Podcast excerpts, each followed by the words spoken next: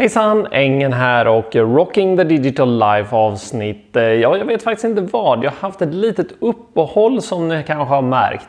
Och det har främst berott på att jag har flyttat och det är därför jag också står i en eh, helt ny vit lägenhet istället för i den gamla studion som jag hade hemma i Lagan.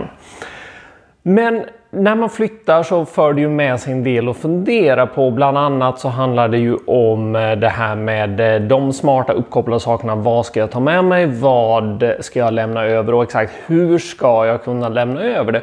Och det har faktiskt inte varit helt enkelt.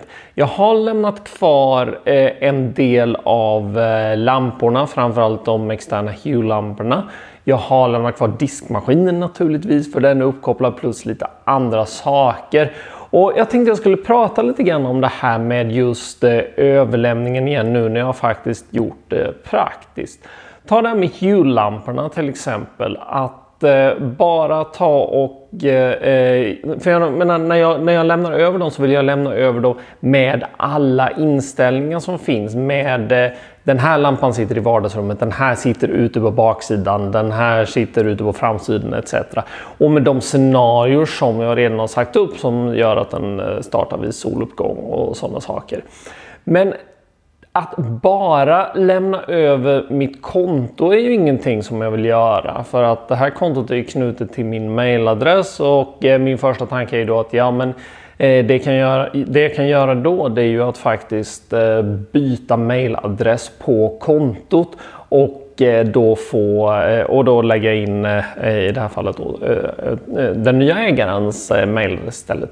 Tyvärr går inte det. Tyvärr går det inte att byta mailadress på det viset så att den rutten jag fick gå istället det är att steg ett skapa ett konto till Eh, den nya ägaren. Steg 2, ge den ägaren tillgång till Huber-bryggan som ju innehåller alla inställningar. Och steg 3, koppla bort Huber-bryggan från mitt konto. Så det här gick faktiskt att, att lösa. Eh, Siemens konto på diskmaskinen har ett liknande problem. Jag har inte lyckats byta eh, mailadress på den än. Eh, så, och där finns ingen brygga, där går inte att göra den typen av överlämning. Så Mm, eh, jag får nog hitta ett annat sätt att göra det på. Och jag menar, de här sakerna är ju eh, någonting som eh, både man som eh, husägare och eh, som tillverkare måste börja fundera på. För att de saker som du har Framförallt de som är inbyggda. Jullamporna är en sån där grej som, ja men det är bara glödlampor, det är det minst inbyggda du kan ha. Men de har ju faktiskt börjat med de här med ytterbelysning också som ju eh, är någonting som man normalt sett eh, inte skruvar ner ifrån väggen och tar med sig. Och då är du helt plötsligt inne på det här med en överlämning i alla fall. Ja, du kan ju säga till ägaren, ja jag lämnar eh, glödlamporna där ute och jag lämnar de lamporna men du får själv skaffa en ny brygga. Och det är klart det kan man göra. Men eh, det är inte alltid helt enkelt för någon som inte hållit på med det här att veta vad man ska sätta upp. Så saker som är värda att fundera på. Eh, det som gäller för mig nu det är att faktiskt börja fundera på vad jag ska göra här i lägenheten, hur jag ska smarta upp den. Jag har naturligtvis fått upp mina Google Home så jag kan prata med dem och eh, få lite musik och sådana saker. Men jag gör fortfarande det här som känns väldigt, väldigt gammalt. Jag måste trycka på knappar på väggen för att tända och släcka lampor. Och det är ju någonting som man vill komma ifrån.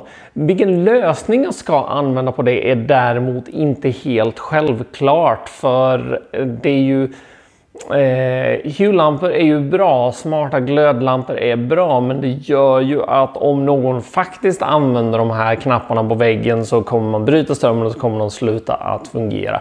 finns lite olika alternativ på hur man kan lösa det. Eh, det du kan sätta impulsfjädrar bakom, eh, eh, eh bakom brytarna så att eh, trycker du på den så fjädrar den tillbaka och så tänder den. Eh, du kan byta till smarta brytare istället så att det är brytaren själv som har logiken. Ingen av de här alternativen är helt självklara däremot för eh, exempelvis så tycker jag om möjligheterna till att sätta olika färger i eh, Hue och sätta olika teman.